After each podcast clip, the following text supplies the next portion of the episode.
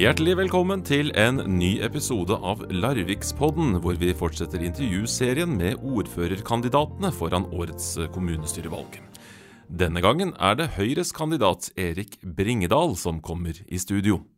Så har produsent Geir Atle Johnsen tatt med seg mikrofonen for å snakke med Larviks folk. Denne uken har han møtt Lars Henning Ulvær. Han er økonomidirektør i hotell- og restaurantkonsernet Hot Nordic på Lysaker. Men av og til tar han fri fra hotellbransjens kleskode og jobber fra Larvik. Dessuten vil vår faste besserwisser Kjetil Wold belære oss om et nytt selvvalgt tema. God fornøyelse, jeg heter Tormod Ugelstad. Jeg heter Erik Bringedal, og jeg representerer eh, Høyre. Hvor gammel er du? 65. Hva jobber du med? ja, jeg har jobbet i et selskap som heter ABB i snart 30 år. Så jeg har jobbet i forskjellige stillinger der og hatt, jobbet i utlandet noen år og bodd i, eller lagt i, i Norge noen år. Så jeg har hatt ulike posisjoner og stillinger i et selskap som heter ABB. Og der er jeg fremdeles. Og der pensjonerer jeg meg fra 30. april. Så da er du klar for politikken? Ja, da er jeg klar for politikken. Hvordan ser en vanlig arbeidsdag ut for deg?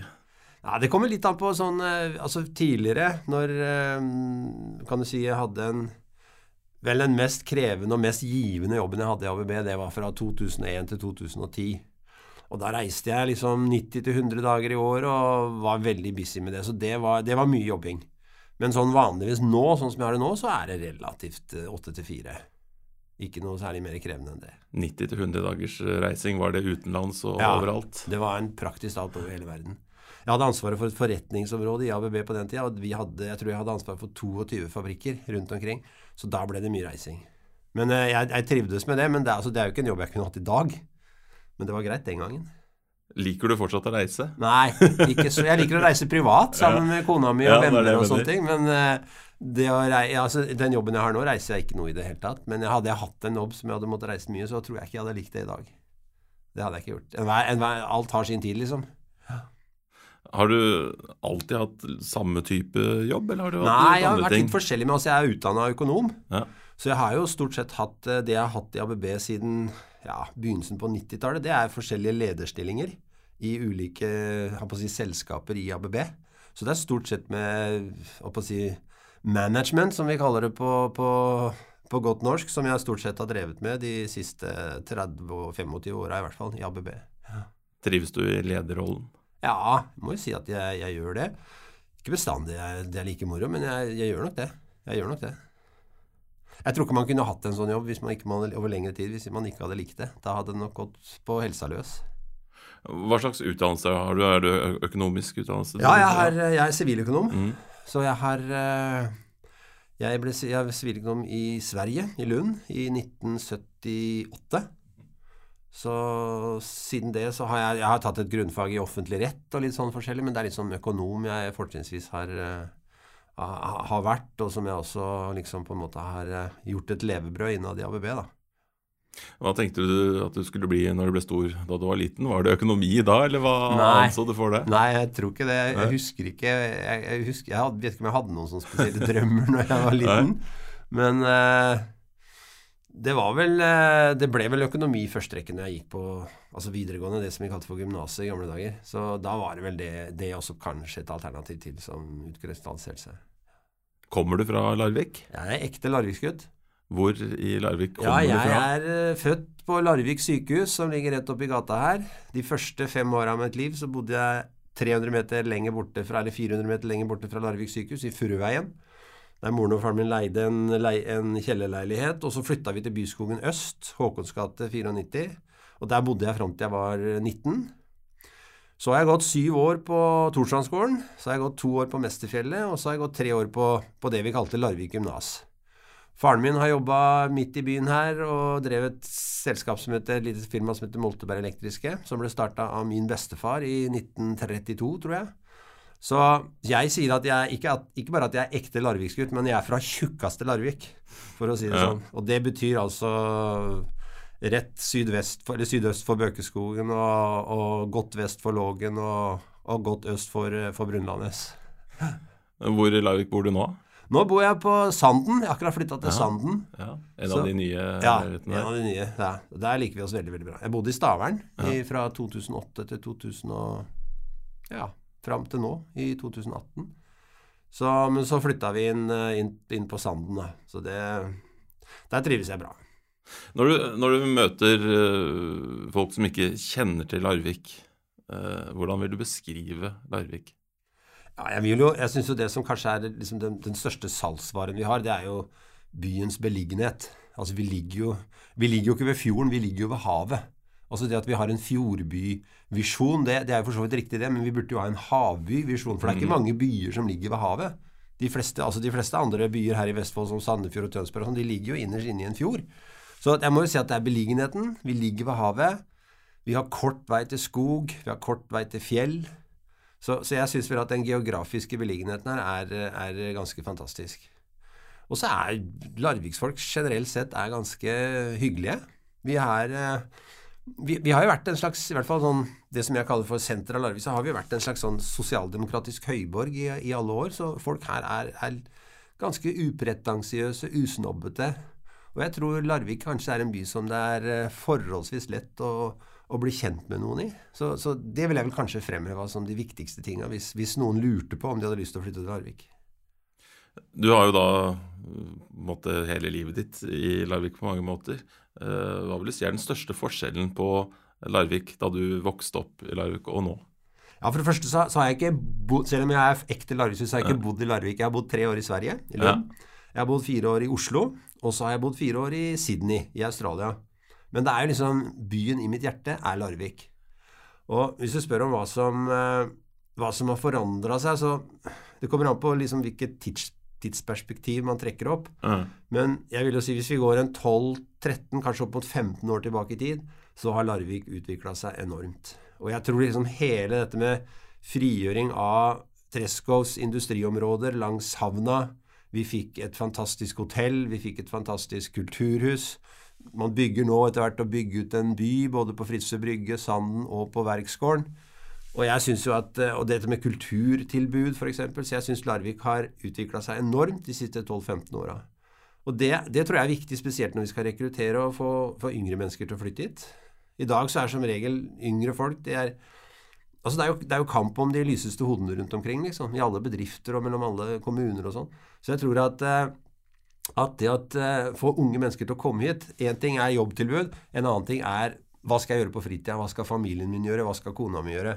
Og dette her har Larvik blitt veldig veldig god på etter hvert. I dag kan man gå på et, et eller annet kulturtilbud, det være seg kunstutstilling, film, teater eller uh, musikk, praktisk talt hver eneste dag hele uka. Når ble du interessert i politikk? Ah.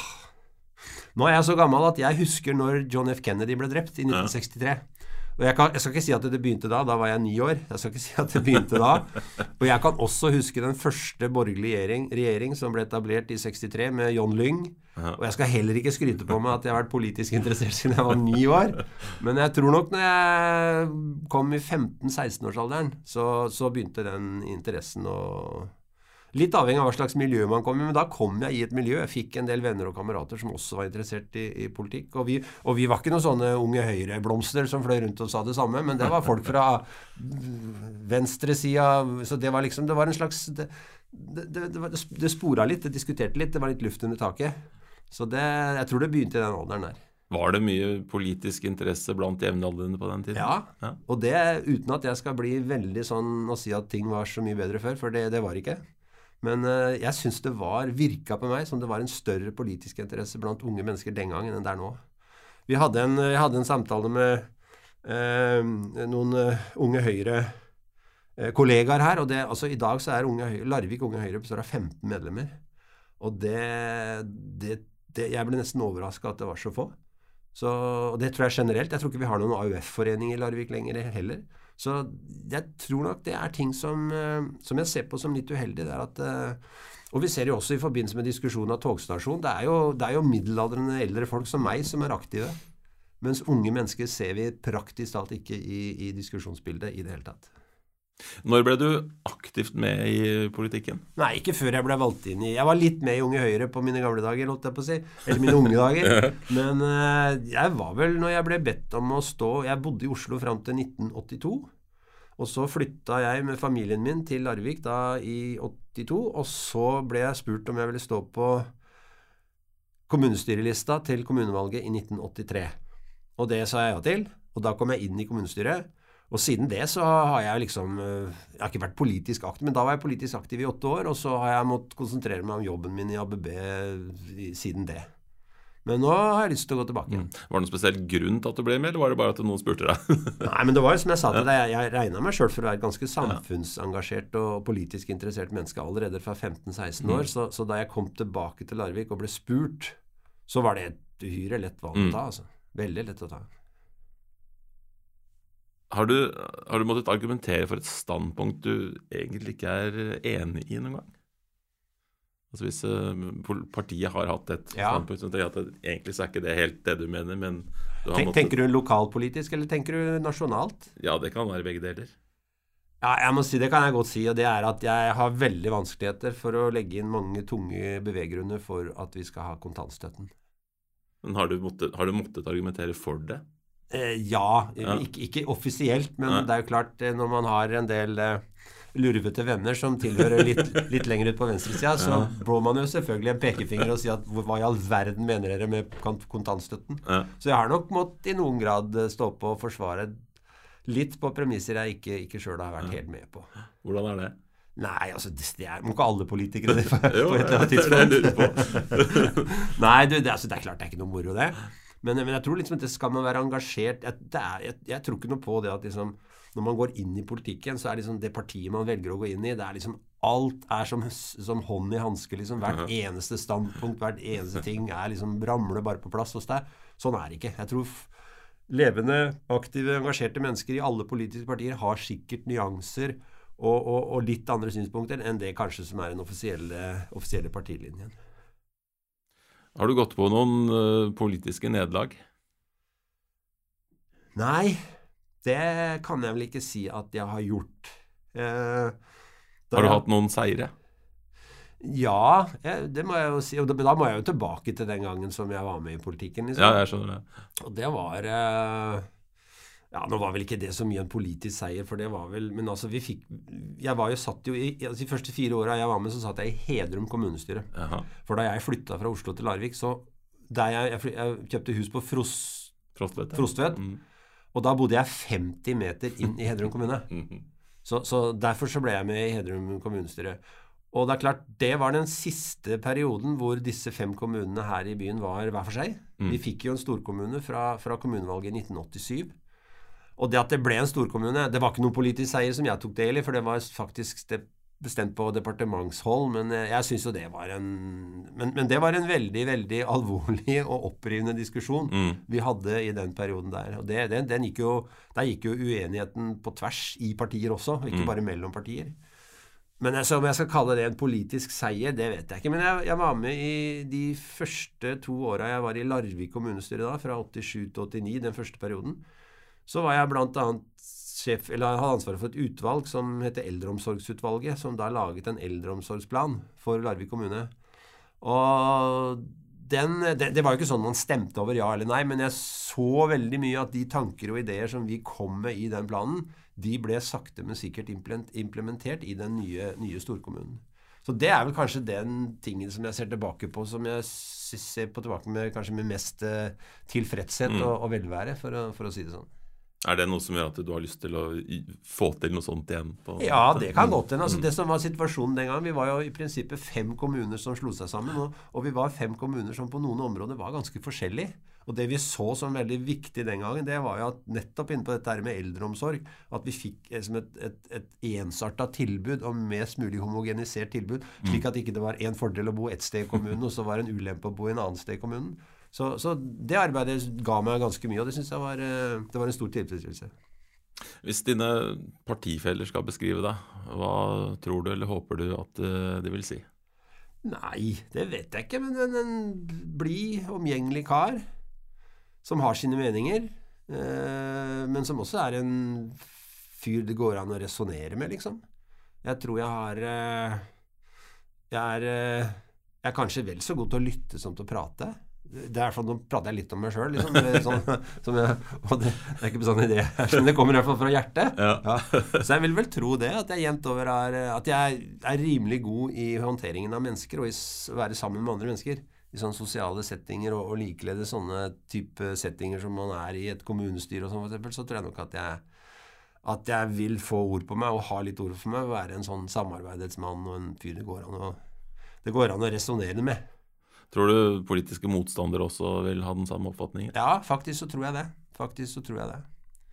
det jeg, skal ikke si at alle, men jeg tror jevnt over. I hvert fall så var det min erfaring da jeg jobbet med kommunepolitikk. Så hadde jeg faktisk eh, veldig gode samarbeidsrelasjoner med personer også fra andre politiske partier.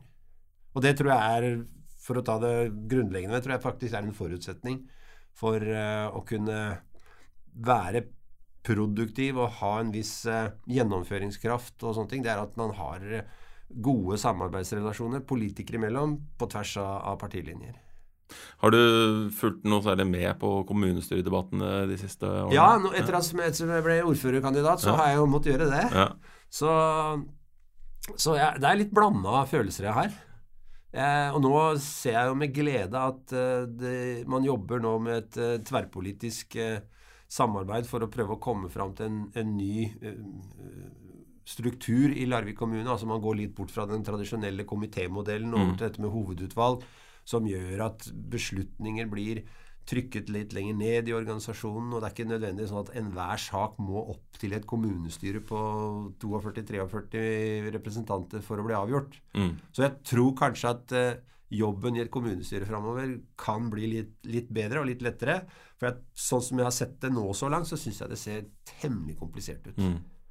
Eh, For, eh, for utenforstående, da, for meg f.eks., hvis jeg følger, prøver å følge med på et kommunestyremøte, kommunestyremøte, så syns jeg av og til at det, er altså, Tonen kan være veldig skarp mellom de ulike, ja. særlig meningsmotstanderne. Da. Hva tenker du om det? Jo, jeg, jeg, jeg sitter med det, med det inntrykket, jeg også. Og det, det, det syns jeg er litt synd, men, men og jeg, Nå har ikke jeg noen forutsetninger for å si at det er verre i Larvik enn det er andre steder, men det er jo folk som har flytta utafra og kommet til Larvik, som sier at, og som da kommer fra andre kommuner, som kanskje er sammenlignbare med, med Larvik, som sier at eh, de oppfatter det som en mye mer tilspissa tone og en mer sånn ja, kall det litt uvennlig debatt mellom politikere mellom Mm. kommunestyret her i Larvik enn det de er vant til fra de stedene de kommer på. Så jeg, jeg tror at det er en av de ting som, som vi absolutt burde prøve å forbedre oss litt på. For det går litt ut på det som jeg sa med gjennomføringskraft og det til å liksom stå frammen som, sammen som, eh, som en enhet og, og sånne ting, Mm. og få gjennomført ting. Det tror jeg blir mye enklere hvis man også samtidig kan ha en litt mer sånn samarbeidsrelatert tone. Hva tror du man kan gjøre for å bedre på det eventuelt? Nei, jeg tror nok kanskje at den nye organiseringen kan Ja. bidra til det. Og så er det jo det er jo klart alt koker jo ned til å bli et spørsmål om personer. Så jeg vet ikke. I den grad jeg kan bidra med noe, så er i hvert fall det en av de tinga som jeg kommer til å ha høyt på min agenda eh, når jeg blir ordfører. Det er at vi skal få et mye bedre samarbeidsklima og få en mye mer effektiv eh, arbeidsstil i kommunestyret. I dag er det jo litt sånn kanskje at eh, det er en del kanskje unge mennesker, og der er vi tilbake til det vi snakka om i utgangspunktet, som, som eh, Jeg hørte en historie om en eh, fyr som går på videregående, og der hadde læreren sagt i samfunnsfagtimen at nå skal vi sette oss ned og se på øpe.no, for vi skal se overføringen fra et kommunestyremøte. og når de hadde holdt på i et kvarter, så reiste læreren seg og slo av, slo av TV-en. Altså dette har ingenting med å gjøre med undervisning eller noen verdens ting. Og det tror jeg er synd. Jeg tror at hvis vi skal Nå overføres jo alle kommunestyremøter på, på, på TV. Mm. eller sånn. Og der tror jeg liksom det, er, det er kanskje måten å, å fremme politisk arbeid på. Vekke interesse blant yngre mennesker og se at dette her er folk som syns det er moro å drive med. liksom. Det, der tror jeg vi har mye å hente. Opplever du deg selv som en samlende figur? Ja, egentlig så gjør jeg det. Mm. Jeg gjør det. Jeg gjør det. Så det Igjen, eh, nå snakker jeg veldig mye Og jeg har jo som sagt ingen politisk erfaring fra de siste 25-30 år, så jeg kan liksom Men jeg tror nok at hvis vi skulle gått til en kollega av meg, eller Mm. kollegaer, så tror jeg nok de absolutt ville sagt at jeg var en fyr som var samlende, og som var en samarbeidets eh, person. Hvordan skal du få velgerne til å tenke det samme? Nei, det vet jeg. Altså, jeg vet ikke Du kan si det er sånn Når du går ut nå, og så skal du drive valgkamp Altså det å drive valgkamp og si at nei, nå, nå holder vi på med en ny organisasjonsmodell Altså det er, ikke noe, det er ikke noe sexy å gå ut i en valgkamp med noen sånne ting. Så, så jeg tror nok at man må snakke om de tinga som, som, folk fører som, eh, som, som, nært for seg.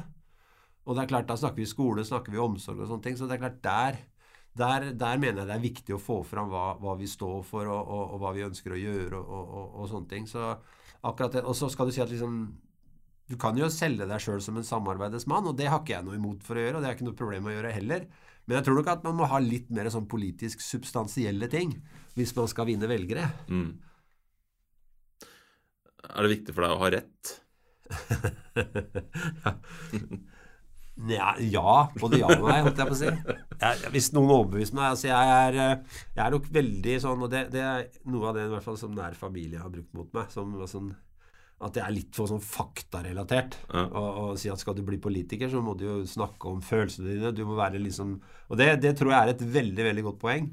Så, så, men det gjør sitt at så lenge jeg er så fakta- og argumentasjonsorientert, så er det klart at når jeg hører gode argumenter, og når jeg hører gode fakta bli fremført, så kan jeg gjerne forandre mening. Mm, så det er ikke viktig for deg å måte, få rett nei, hvis du blir overbevist om noe? Nei, nei, det er det ikke. Er du flinkere enn andre til å kjøre bil? Ja Hvis det kommer an med hvem når du sier andre, så ja, De fleste.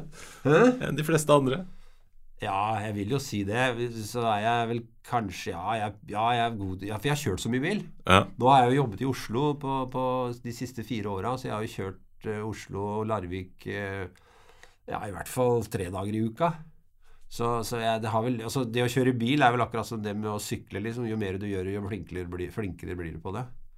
Så, men uh, det hender vel at jeg overtrekker en fartsgrense og Jeg har ikke fått så mange sånne fartsbøter i mitt liv. Trives du i bilen sånn på biltur? Nei, altså det, det, er sånn Det er rart med det med, sånn med bil, altså sånn, spesielt når man kjører til og fra jobb. For når jeg jobbet på ABB i, i, i, og bodde i Larvik, så kjørte jeg fram tilbake til Skien. Og det har litt med det der å ha, ha litt egentid. Ja. Altså, da, Du har barn, du har masse ting du driver med. Men når du setter deg i en bil, og du kan høre på radioen akkurat hva du vil du kan høre på, Vi har jo alle behov for å sitte og høre på nyheter eh, en viss tid. Så det der å ha en egentid i bil er, eh, er, ikke så dumt. Så i så måte har jeg trivdes med det. Men eh, der også føler jeg vel kanskje at i min alder så føler jeg det litt sånn waste of time hvis du skal bruke for mye tid i bil. Hva er den viktigste saken for Larvik i neste periode? Ja, det er vel eh, Jeg, jeg tror vel at eh, en veldig viktig sak er at eh, Men der, der ligger jo det litt nå. Altså det er jo dette med en jernbanestasjon og hvordan vi håndterer de tingene framover. Nå blir vel det forhåpentligvis, forhåpentligvis, avgjort nå i det nærmeste halve året. Mm. Men jeg tror det viktigste er å, å, å klare å markedsføre oss sjøl. Altså vi trenger, jo, vi trenger jo mer næringsliv, og vi trenger mer flere mennesker, og vi trenger flere yngre mennesker. Altså Vi har jo et jevnt tilsig av eldre mennesker som faktisk flytter fra Oslo og flytter til Larvik. og det, det er vel og bra, det. De er hjertelig velkommen. Men jeg tror liksom virkelig de som skal være en bærebjelke i dette samfunnet, de neste lokalsamfunnet, de neste 25, 30, kanskje 40 år, så trenger vi en større tilvekst av, av unge mennesker og barnefamilier. Og det er klart, Da trenger vi å være mye mer attraktiv for bedrifter å etablere seg. Hvordan kan vi bli det?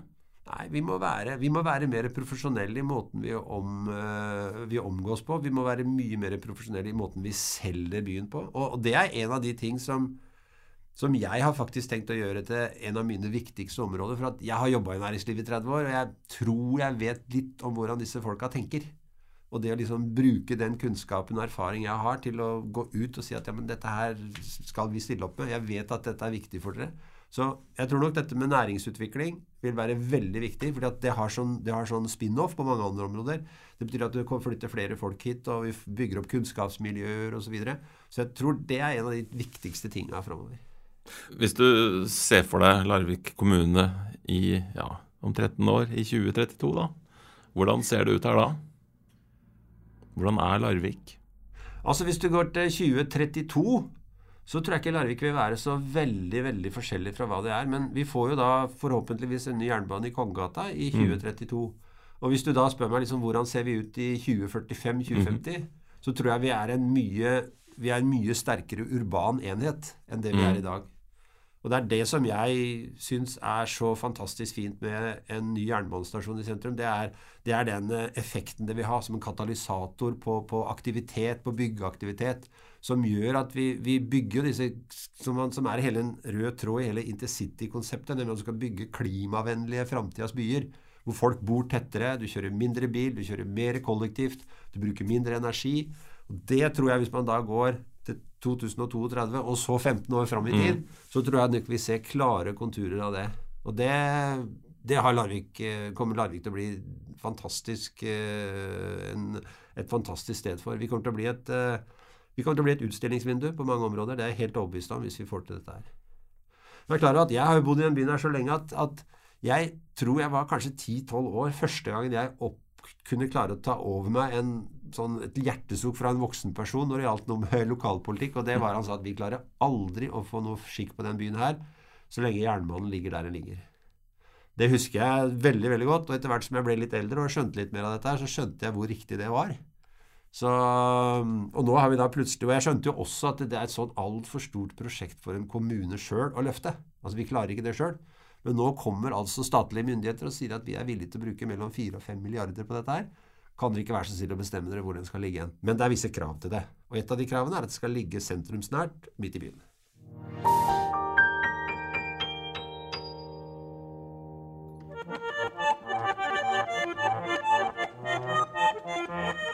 Ja, da har jeg fått besøk av uh, produsent Geir Atle Johnsen og besserwisser eh, Kjetil uh, Wold. Og Kjetil, du er her uh, som vanlig for å belære oss, og, hva tar du for deg i dag?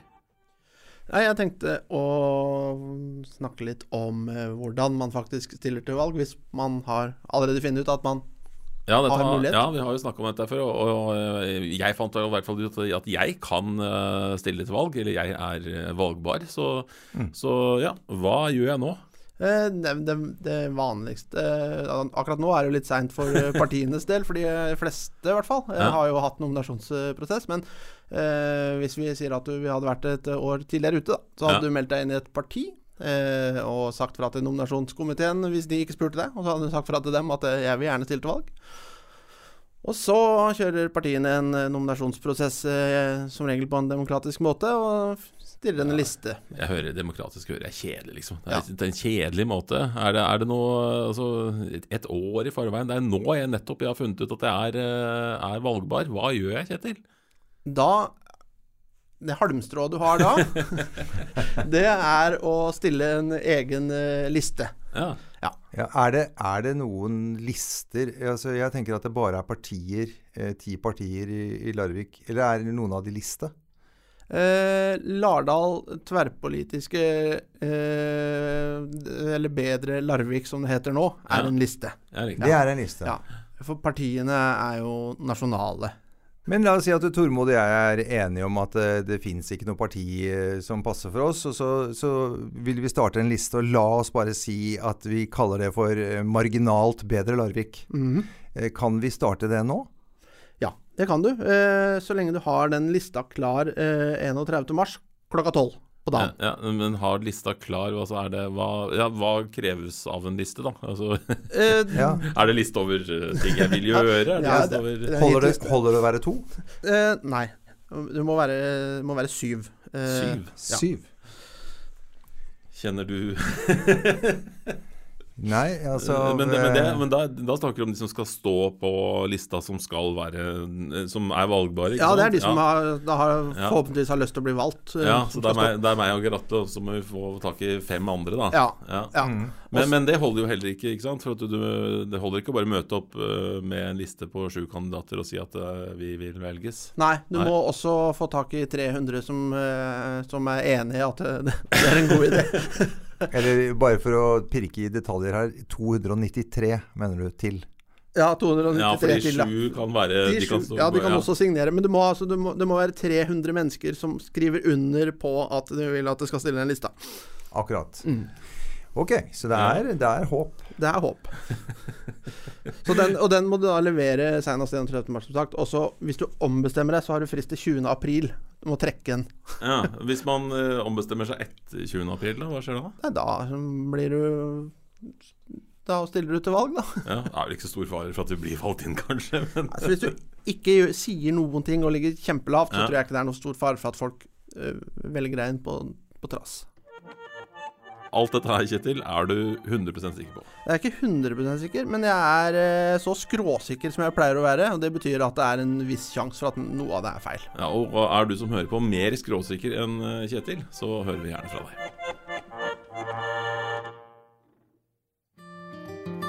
Larvik, tidlig en torsdagsmorgen. Gjennom vinduet til arbeidsstedet til Lars Henning Ulvær ser jeg at han er på vei inn døren. Hei, hei. Hei, kaldt ute? Veldig. Du er førstemann på jobb. Ja, Se det, gitt. Ja, Det er ikke dårlig. Jeg er jo ofte tidlig oppe, jeg, så det er helt greit. Det er vanlig. Kaffe er også helt vanlig for Lars, som eh, kommer fra Larvik. Jeg kommer fra Nanset, egentlig. Nå Ja. Født og oppvokst der og bor i Stavern. Jeg har bodd i mange år i Oslo, og jeg jobba der. Og så har jeg tatt eh, Skal vi se Tok jeg litt utdannelse i Horten. Økonomiadministrasjon. Høyskolekandidat. Så da bodde jeg der. Så har jeg bodd litt i Nord-Norge, litt sør for Brønnøysund. Og jobba der. Du, Hvor startet den interessen for eh, økonomi igjen? Jeg vet ikke, jeg. Den har vel egentlig alltid vært der. Jeg. Den er vel bare Faren min drev et lite firma i Larvik, og det ligger vel kanskje noe der, da. Skjønner at økonomi er viktig. Er det genetisk? Genetisk interesse for økonomi. Det hørtes, hørtes ut som en straff, men det er nok det, ja. Det kan nok hende. Googler man Lars Henning Ulvær, så står det at han har eh, 14 roller i norsk næringsliv. Jeg er CFO i et selskap som driver eh, hoteller. Altså økonomidirektør i et eh, selskap som drifter hoteller og bygger og starter hoteller. Og sånn som det er i dag, så har vi, har vi tre hoteller. To på Gjøvik, ett på Kongsberg, som vi drifter. Så bygger vi et kjempeflott stort hotell på Gardermoen, som heter Miklagard. Hvor vi også sitter og eier bygget. Du, når jeg googlet deg, så så jeg noe morsomt eh, Ja. på proff.no. og Da står det 'Glade Kongsberg Biff'. Ja, det er rett og slett en uh, navnet på selskapet, som er en Bighorn-restaurant i Kongsberg. Der er det sånn at vi har et eh, bygg i Kongsberg hvor det er eh, en Dolly Dimple og en Bighorn-restaurant, som vi også driver. Restauranthuset Glade Kongsberg. Det er, altså, det er veldig mye glad folk i Kongsberg, faktisk. Kommer du til Kongsberg, så er det folk som er utrolig stolt av byen sin. Blir jo stadig vekk kåra til Norges beste sted å bo, og det er det første du får kasta i, i trynet når du kommer til Kongsberg. Er det ikke fint her? Her er det ålreit. Her er det fint å bo. Ja, så det er glade Kongsberg. Har Larvik noe å lære der? Ja, kanskje det. De er i hvert fall veldig stolt av byen sin, tror jeg, i Kongsberg. Så det absolutt. Du, hva skjedde i forhold til at du nå er i hotellbransjen? Det var en jobb som var ledig på Colt Hotel-klubben i Tønsberg i sin tid. En økonomisjefjobb der. Al altså han som uh, drev det, da, eide det selskapet som drev det, som var, er en utrolig fyr, uh, som overtalte meg til å begynne å jobbe der. Og etter hvert så begynte jeg da å jobbe i det morselskapet som drifter da flere hoteller. Så det Da kommer jeg fra fra mer fra IT-sida, jeg egentlig, og jobba som konsulent på ERP-systemer. Med økonomibiten av det, da. En normal arbeidsdag er eh, enorme mengder mail. Jeg begynner tidlig om morgenen. Eh, første mailen inn i dag er, var 4.48, ser jeg. Eh, folk er jo stort sett på jobb døgnet rundt eh, i den bransjen. Eh, så kan det være ja, Vi holder på litt med noen regnskaper da, og rapporterer. Det er møter med Det kan være nye prosjekter. Det kan være i går og dagen før. Har vi sittet og jobba med å lukke en ny kontrakt på et nytt hotell. Og det kan være intensivt. Så nå har jeg vært et par dager i Oslo og netter. Så det er, det er hektisk. Masse å gjøre. Lange dager. Det betyr at kanskje din hverdag er litt annerledes når du er eh, her i Larvik og jobber, og når du må dra inn til et hovedkontor eller andre Ja. steder? Ja, jeg prøver jo da også å legge Har jeg møter, så blir jo det der inne. Så så der er det mye mer det, mens her er det mye mer å sitte med PC-en. Arbeidsplassen min er inne på Fornebuporten i dag, egentlig, da. Jeg lurer litt på hvordan han kommer seg frem og tilbake til jobben på Lysaker. Både tog og bil er jo alternativene, men jeg ender jo stort sett opp i bilen, ja. Mm. På toget så leser jeg. Jeg klarer ikke å få ikke til å jobbe på toget. Av en eller annen grunn. Jeg synes det, altså Nettet ramler ut, og jeg sitter og vagger og rister, så stort sett så får jeg ikke til noe annet enn å lese bok. Så på toget er det fram med Kindlen. Og i bil? Der sitter jeg da og tenker. Eh, og det, det går også, synes, På et eller annet vis altså går det veldig radig inn til Oslo nå. Så lenge jeg er i bilen, så lenge jeg er på E18 før klokka halv seks om morgenen, så går det greit. Fem-halv seks så er det ikke noe særlig trafikk eh, innover, syns jeg. Og hvis jeg også klarer å komme enten litt tidlig eller litt seint hjem, så går det greit å kjøre bil. Ja, for starter du så tidlig på jobben, så kan du jo sikkert reise forholdsvis tidlig tilbake òg. Ja, det kan man jo tenke seg. ja, det hender jo det at jeg prøver det. Jeg tenker at jeg må spørre om det er mulig for en økonomidirektør å koble av og ikke tenke økonomi? Det er veldig, veldig vanskelig. Det slår meg plutselig at kleskoden til økonomidirektør Lars her på Colab er noe utradisjonelt. Men det er kanskje en annen kleskode på Lysaker? Ja, vi går stort sett alltid i dress på jobb på hotell. Altså, I bransjen som sådan gjør man jo det, og, men det gjør også vi på hovedkontoret. Men ikke her. Ikke her. Her går det an å gå i olabukse og ullmanngenser. Å ha kontor to forskjellige steder, funker det? Eh, kanskje det er først det at jeg kan sitte her på Colab. Altså Det funker ikke for meg noe særlig å sitte hjemme og jobbe. Det får jeg ikke til. Ja, der får du en telefon. Ja, det gjør jeg. Da er det best at jeg tar den. Så Takk for intervjuet.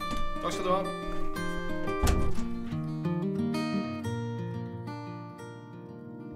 Det var det vi hadde i denne Larvikspodden. Følg oss på Facebook, finn Larvikspodden i din podkastapp eller på larvikspodden.no. Og så minner vi om at neste Larvikspodden live er onsdag 27.2, og da blir tema tog. Ansvarlig for podkasten er Geir Atle Johnsen, og podkasten produseres av Virvel AS. Jeg heter Tormod Ugelstad.